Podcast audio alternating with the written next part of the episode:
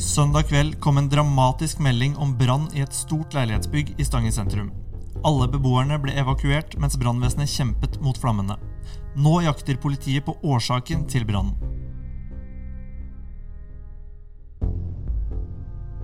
Da er vi her igjen, Trond. Det fortsetter å skje ting på Hedmarken? Ja, det er uh, hendelser uh, i veldig forskjellige spekter denne våren. Det er masse, masse, ting å ta tak i, masse ting å prate om, og det er masse ting for politiet å jobbe med òg. Det er det ingen tvil om. Denne gangen så skal vi tilbake til søndag kveld, da det brøt ut brann i et stort leilighetsbygg i Stange sentrum. Sjøl satt jeg på Briskeby og så HamKam tape 4-0 mot Molde da meldinga kom. Det var greit med en unnskyldning for å dra derfra, kanskje? Det var det definitivt. Da første Twitter-meldinga kom, så begynte huet å bli mer interessert i hva som skjedde der, enn hva som foregikk på fotballbanen, for der var det ikke veldig mye interessant å se. Så jeg ble i hvert fall med ut til Stange, og de første meldingene som kom derfra, var jo veldig dramatisk. Når det står at det er brann, det er et stort leilighetsbygg, og da vet vi jo at der er det også veldig, veldig ofte mye personer. Ja.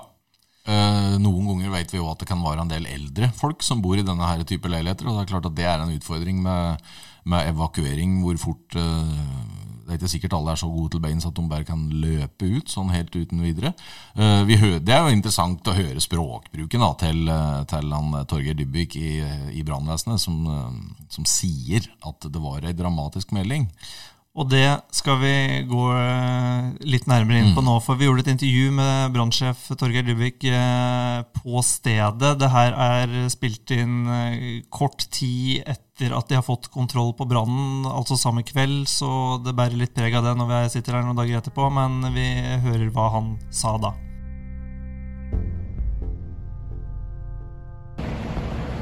Brannsjef Torgeir Dybvik, hva kan du si om det som har skjedd her? Nei, Det har vært brann i en boligblokk i Stange. Eh, ganske dramatisk melding. Eh, hvor det ble meldt om at det var fyr, og at det var spredning til andre leiligheter. Hvor mange av leilighetene i bygget her er det som har brent? Nei, det, Jeg har ikke vært inne og har ikke full oversikt, men utvendig så ser du at det er skader på to leiligheter. Vet dere noe om det er personer som har kommet til skade? Det kjenner jeg ikke til. Når var det dere fikk melding om uh, brannen? Det må jeg sjekke. Jeg har ikke noe, jeg har ikke noe nøyaktig tidspunkt. Men sånn som det er nå, så har dere, har dere kontroll? Ja, vi har kontroll på brannen. Kontroll på, på, folk. Så nå blir det restverdijobbing. Altså prøve å lufte ut røyk og gjøre opp Ta mest mulig av de skadene som allerede har oppstått. Da. Hva er det som er den største utfordringa når det brenner i leilighetsbygg som det her? Det er alltid komplisert, for det er mange involverte personer. Og vi, det er klart, å jobbe i høyden, så er vi helt avhengig av høydemateriell i form av lift. Så vi, vi, vi tok i bruk liften på Hamar og rekvirerte fra Elverum.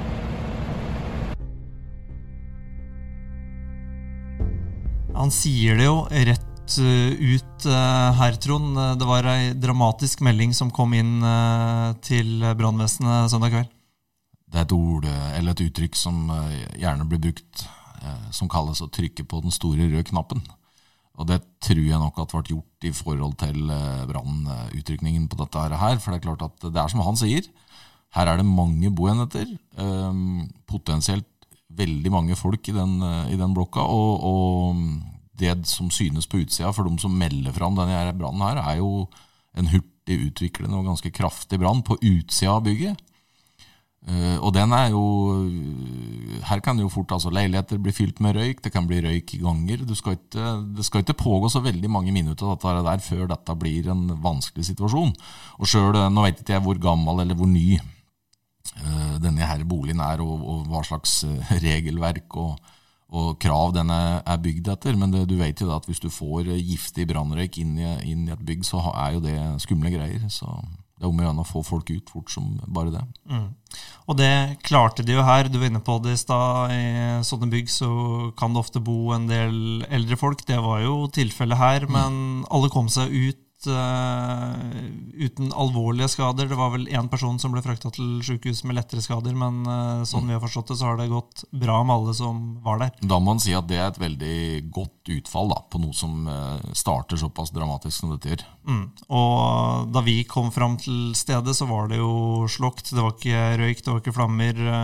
Røykdykkere drev i bygget for å De drev helt sikkert med etterslokking og arbeid der, men fra hva vi kunne se, så var det da allerede slokt. Mm, mm. Og så er det det skal gås over. ikke sant? De bruker jo uh, ymse teknikker. De bruker varmesøkende kamera for, eksempel, for å se om varmen kan ha tatt seg inn i konstruksjoner, være i vegger, altså den type ting. Det er, det er det er ikke nødvendigvis over bare når det ikke brenner lenger på utsida. Det, det skal sjekkes ganske grundig. altså at Ting ikke har gått inn i ventilasjonsanlegg og vegger. og Det, det er en mengde ting som skal ha kontroll på der. Mm. Det kan vi jo huske tilbake til da det var eh, brannutrykning til Ankerskogen svømmehall tidligere i vinter. Så mm. så det jo tilsynelatende helt udramatisk ut på utsida, men eh, sånn vi forsto det etter hvert, så hadde jo brannfolka jobba ganske intenst i ja takkonstruksjonene for å få slokka det som var åpne flammer der. Og branner er ikke alltid det du bare ser fra utsida. Det, og det vet jo disse gutta vinden her når de rykker på dette her, at her er det ikke bare å ha på litt vann, og så er det over. Det, må, det, det, skal jobbes litt, gjerne. det skal det. Og Dybvik sier det også i lyd, lydklippet vi nettopp hørte, at det er komplisert når det brenner i sånne bygg. Mm, og det har han helt rett i. Ja. Eh, vi har jo fått eh, snakka med folk som eh, var tidlig på stedet, og kanskje den første som meldte inn til brannvesenet om brannen, at det ble først sett flammer varme på en balkong, som det blir beskrevet, og så utvikla det seg veldig fort. Mm. Det er vel også helt, helt, vanlig i sånne situasjoner at uh, når det først har tatt fyr, så, så skjer ting fort. Ja, da, Det er jo et par ting som skal til da, for at det gjør det. For det første så må du jo få oksygen, og det får du jo gjerne ganske rikt tilgang på når ting skjer ute i friluft. Og så må du ha materialer som brenner, altså noe annet enn stål og betong og, og glass. Det må jo være noe som fjuler, eh, fjuler dette her, som gjør at det brenner. Um, så det er klart at det, de bildene Vi har jo publisert et bilde som er tatt veldig tidlig. Mm. Og det er jo et veldig interessant bilde, for det, der er det, jo, det er jo tatt før det er satt i gang slokking. Ja. Og, og, det innbiller meg at sikkert etterforskere hos politiet har sikra seg eh, med noe interesse, for at tidlige brannbilder er ofte gull verdt. Det kan si veldig, veldig mye om eh, brannbildet, da, som det gjerne kalles. Altså hvor ting har starta, og hvor ting har bevega seg hen. Hvor er det mest utbrent, hvor er det fortsatt full fyr? Den type informasjon er superfin å ha for de som skal prøve å finne ut eh, hva det var som skjedde da. Ja, for sånn i etterkant så ser vi på bildene når det er slokka, at det er to leiligheter spesielt som har fått uh, skader av brannen. Men på de første bildene så ser man jo helt klart og tydelig hvor det brenner kraftigst ja, er, i starten. Ja, det er, det er, solid varmeutvikling på den eh, terrassen på det, på det, bildet som vi har publisert, og som ligger ute på ha.no på den, eh, på den oppfølgingssaken på brannen. Ja. Etterforskerne var jo eh, tidlig i gang på stedet. Allerede søndag kveld så var en krimtekniker inne i eh, leiligheten der det hadde brent, eh, og gjorde tidlige undersøkelser. Og så har det nok i etterkant blitt gjort mer, men foreløpig så er brannårsaken ukjent. Det er vel ikke uvanlig så kort tid etter en brann? Nei, det er klart at i, en sånn akuttfase så er det jo egentlig veldig begrenset hva en krimtekniker får gjort i utgangspunktet. For at, eh, det skal jo sikres, og, det, og, ting er jo varmt, og ting er jo ikke bare å valse inn i, liksom, for å, for å, begynne med det. Så det tar jo alltid litt tid. Så det er jo gjerne en kombinasjon av det som kalles taktisk og teknisk etterforskning. Dette er da, ikke sant, At um, de samler inn opplysninger. altså Vitneforklaringer fra, fra øyenvitner, den eller de som har meldt fra om brann, er ofte veldig veldig viktige vitner. Selvfølgelig veldig viktig å få prata med og få avhørt den som bor der, som kan fortelle om hvordan var ting ute på denne terrassen, hva var plassert der, hvilke møbler, hvilke gjenstander, altså hva, hva sto der som kan ha, eventuelt kan ha påvirka brannbildet, eller eventuelt starta brann nå? Mm. Alt sånt er, er, må, må, det tas en runde på, da. Ja.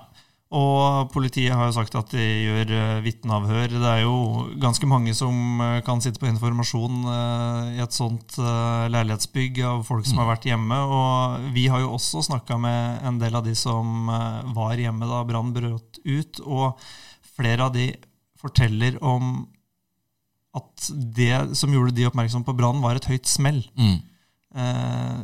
Foreløpig så vet vi ingenting om hva det var, men sånn det blir beskrevet, så har det vært kraftig og har fått oppmerksomhet fra de som har vært i nærheten. Ja, det, og det er interessant. Og så skal uh, må en alltid huske på da, at under branner så er det, ting som skjer som gjør at ting smeller. Uh, glassruter går, uh, andre ting kan smelle. Så det, hva som har forårsaka det smellet, det, det vet vi jo ikke, så det kan vi på en måte ikke spekulere så mye i. Men det er klart at det er interessant informasjon for mm. dem som skal etterforske dette her. At, at, det er en rekke personer som sier at de har hørt smell. Det er informasjon og opplysninger som må ettergås, helt opplagt i en, i en brannetterforskning. Og så, som sagt, eh, vi vet jo at det blir, det blir, en del lyd, og det puffer litt eh, når det brenner. Altså. Det, er, det, er, sånn det er når kunststoffer og materialer er, er samla. Eh, glassruter og den type ting. Så, men, men, det smellet er veldig interessant. Uh, og så ja. er det jo eh, så er det, altså, er smellet Hvor tidlig kommer det, da? Er det, det, som, er det smellet som forårsaker brannen, eller er smellet en, et resultat av brannen? Det vet vi jo ingenting om. Nei, Nei, det gjør vi ikke. Og det er jo helt åpenbart at det er store krefter i sving eh, når det brenner sånn. Jeg var jo sjøl på stedet og så hvor langt unna leilighetsbygget det lå glasskår som hadde blitt ja, kasta ut fra, fra, Det er en grunn til at de stresser med å evakuere folk når det brenner. for å si det sånn. Og jeg tror de som er øyenvitner, eller blir det til denne her typen hendelser, da, jeg tror kanskje de av og til kan bli ganske overrasket over hvor fort ting går. Ja. Hvor fort ting utvikler seg. Altså når ting tar fyr Uh, og, og forutsetninga ligger til rette for at den brannen kan få utvikle seg, da, da, det, da, snakker vi både sekunder og minutter. Altså. Ja. Mm. Og Sånn sett så må man jo bare prise seg lykkelig over at det her skjer på tidlig kveld i halv sju-tida, var vel de første mm. meldingene, mens folk er våkne. Nettopp. Uh, skjer sånne ting på natta, så har man veldig fort et helt annet bilde. Da har du uh, flere problemer. For det første så kan det gå lengre tid før det blir oppdaget. Ja. For det andre så ligger folk og sover. Mm. Uh, og, og, summen av det er, er, skummel og kan være dødelig når det kommer til branner. For det skal ikke så veldig mange minutter til i denne røyken der før du, uh, før du ikke er bevisst lenger. Nei. For dette, ja, Du så jo hvor svart og, og, ekkel den røyken var. Dette der er ikke fristende å puste inn. altså. Det gikk vel eh, ganske kjapt uh, fra meldingene kom til uh, beskjeden om å holde mm. dører og vinduer lukka i området gikk ja. ut også. Det er jo Og så har du den X-faktoren at her, denne her bygningen ligger ikke veldig langt fra brannstasjonen i Stange. Nei. De har ikke veldig lange utrykningsveien. Det er ofte en eh, fordel i de situasjonene. Jeg er nesten rett rundt hjørnet. Mm. så det er klart at det er, det er, snakk om at det går ikke så veldig mange minutter før førsteinnsatsen er på stedet og kan starte utvendig slokking og sånn på den terrassen. Og det er litt viktig, da.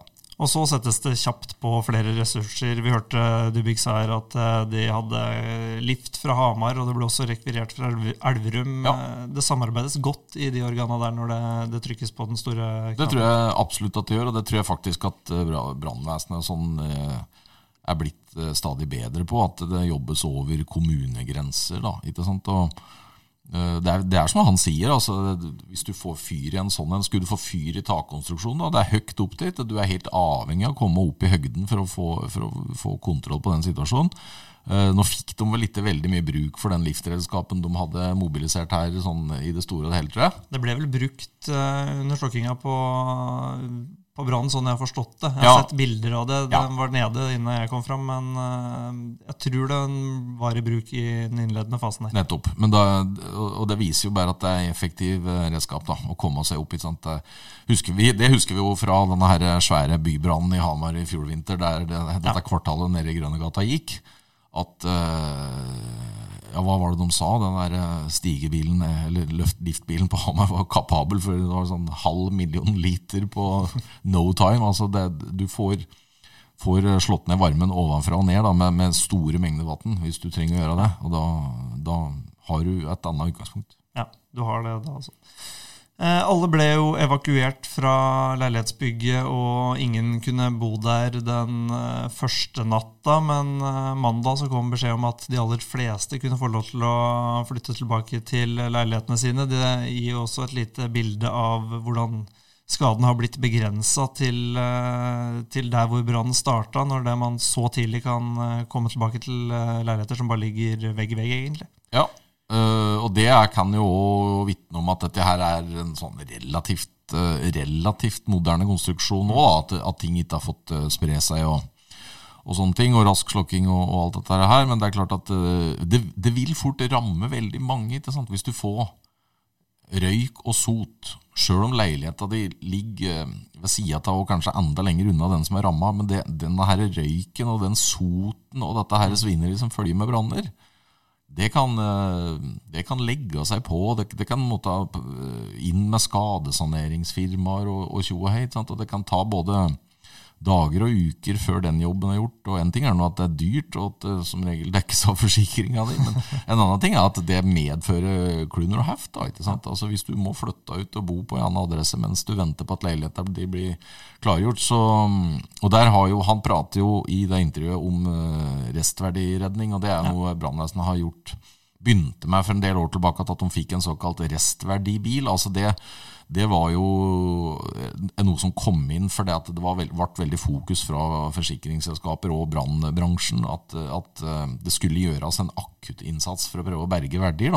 Mm. Eh, så det har de veldig fokus på. Det, det tror jeg funker. Det tror jeg har spart mye. altså. Og så har du et moment til også. Da man begynner å slokke, så er det jo ofte litt vann som ja, kommer. Det... Ikke så rent lite heller. Nei. Nei. Det, det jo, blir jo sagt det er på fleip at det, det det som brannen ikke ødelegger, det ødelegger brannvesenet med vann. Det er jo litt sånn slem måte å si det på, men, men vann renner ren nedover. Ja. Og det er klart at hvis du da slokker i leiligheter som ligger litt oppi, mm. så, og bruker en del eh, både tusen og titalls tusen liter vann, så det som ikke fordamper opp, det, ren, det vil renne nedover. Ja. Og det kan jo ramme andre leiligheter. Sånn er det. Nå var det folk på stedet som fortalte at i det tilfellet her så ble det brukt uh, veldig mye skum. Nå vet jeg ikke om det har noe å si for vannskader, ikke vannskader. Det kan det fort ha, og de har jo, altså, de har jo eh, mye mer moderne slokkemetoder i dag enn de bare hadde for en del år tilbake. At de kan bruke ja, som du sier, skum som på en måte med ganske mye mindre bruk av vann kan ta ut oksygenet og dermed dempe og kvele brann. Ja. Så, så, det funker. Ja. Og så ble det sagt her at, uh, fra politiet at uh, de som bor i leiligheta, den øverste av de berørte leilighetene, kan flytte tilbake så fort krimteknikerne er ferdig på stedet. Sånn vi forsto det svaret. Ja. Det, vi skal ikke spekulere altfor mye, men det kan jo kanskje tyde på at det, det er utvendig den kraftigste brannen har vært. Når vi ser de skadene som er utvendig der, så Ser sånn ut må de ha klart å begrense det der hvis den skal være beboelig. Ser sånn ut. Er, for meg så ser den noe svart-hvitt ut fra utsida den òg, så jeg tenker at eh, hvis, hvis, de har kunnet flytte tilbake til allerede, så har de flaks. Og det er jo ikke noe bedre enn det i en slik situasjon. Så. Det er helt riktig. Men uh, hvordan, hvorfor og hva som har skjedd, det får vi la være opp til uh, politiet å finne ut av? Ja, det er jo som jeg sier et puslespill uh, av tekniske funn, av veldig sentral vitneforklaring selvfølgelig til den som bor og eier leiligheten, ja. og, og øyenvitner på utsida. Ja. Sammenholde, sammenholde all den informasjonen. Mm. Vi lar det være det for denne gang, og så følger vi selvsagt opp uh, denne saken på ha.no, så følg med der, og så høres vi igjen senere.